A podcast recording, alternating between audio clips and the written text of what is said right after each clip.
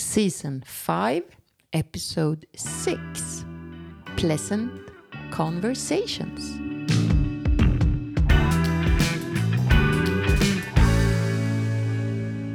I like the name of this episode.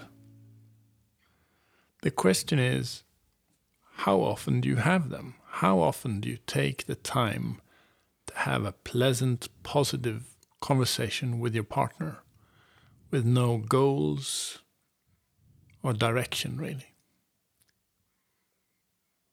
I don't know how often, but I think there needs to be an, an intention with it, sort of to have an intention to have these often or regularly, and to remind yourself that these do so much more good for you than you can imagine, probably.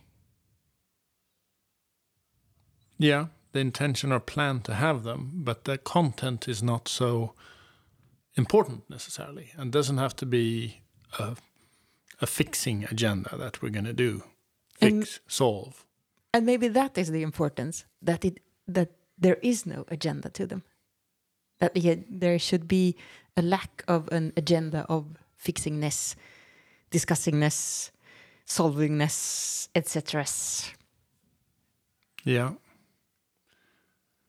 we had the good fortune to uh, both work from home and we have a dog so i would say that we sometimes do this several times a day when we go on our dog walks together Mm. There is some solving in there going on as well, but sometimes there's just reflections and discussions of things that are been or things that are coming or about each other. And they could be about nonsense stuff, like when I called you up this morning, I, ju- I was just reminded about my dream. I have to share this with you. And I just had to tell you a snippet of my of the dream I had, biking around with a duvet. yeah. That was that was an invitation to a short, pleasant conversation. Lasted about what, two minutes? Yeah. So, what we're talking about is disorganized communication in a way. All right. Perhaps. It's not, you know, that we have talked about different exercises and linked to different uh, exercises about communication and how you can understand each other and listen and talk. But this is more of a free talking, free thinking. Um, yeah, I like where you're going. Yeah. Yes. Yes. opportunity for anything. Yeah. And this quite often doesn't uh, doesn't turn up because you're so busy helping kids or you're so, so busy with work or so busy with Mm. whatever that you don't take the time to um, have this kind of nonsense talks. it's a good way to keep both of yourselves in the positive spiral that you have keep having good thoughts about each other uh, seeing each other from a positive side perspective uh, it's it's so much worth it to keep being reminded of the positive aspects of your partner. It hooks into um some of the things that the Gottman have in their relationship house as well, where you build uh, love maps and admiration and uh, learn things about each other. yeah and deepen the relationship and keeping the positive spiral. Yeah. Yeah, all of these pleasant conversation activities hook on to those levels of their relationship house. Exactly. So that is why you should have them because these pleasant conversations will give you a deepened sense of connection and they are a way for you to show admiration as well as express fondness for each other they could perhaps be stress relieving as well.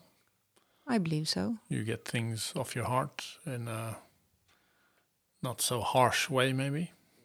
Or maybe it doesn't have to be that you have to get something off your heart, but whatever it is that you speak of or talk about, your partner just listens because there's nothing there to be solved or fixed. It's just pleasantries. Yeah. And they are all so important, even though the context is not so important. What if you find this really difficult? You haven't done this in a while, you haven't talked in this way. Are there any tools or any help that you can have to start the conversation? You had had a good quote in you from uh, Ryan Howes. Oh, yeah. That was a miracle question that he phrases it like this Suppose tonight, while you slept, a miracle occurred. When you awake tomorrow, what would be some of the things you would notice that would tell you life had suddenly gotten better? That's really a open-ended question which you could spend months talking around. Yeah. And there could be new perspectives uh, heading your way as as you share these stories with your partner. Yeah. So keeping open-ended questions and and what if you need some more tools to ask these questions? We have some questions in our app, and uh, the Gottmans have in their card decks, and there are a number of other uh, card deck companies. Mm. Uh, Esther Perel has a card deck. Uh, Vertellis has a number of card decks, Mm. which just um, open doors and maybe set you off in directions you never thought about. Yeah. And these pleasant conversations are also excellent to have with the rest of your family as well. I mean, gather the kids at the dinner table and have a pleasant conversation. That is also very strengthening for the family, not just for the two of you. Okay, I think that's enough for the pleasant conversations. Try it, think about it, think about when you last had one. Think if you can maybe invent some great open ended questions which you can talk about for a long time with your partner. And good luck. Good luck. Remember, these are important. Bye.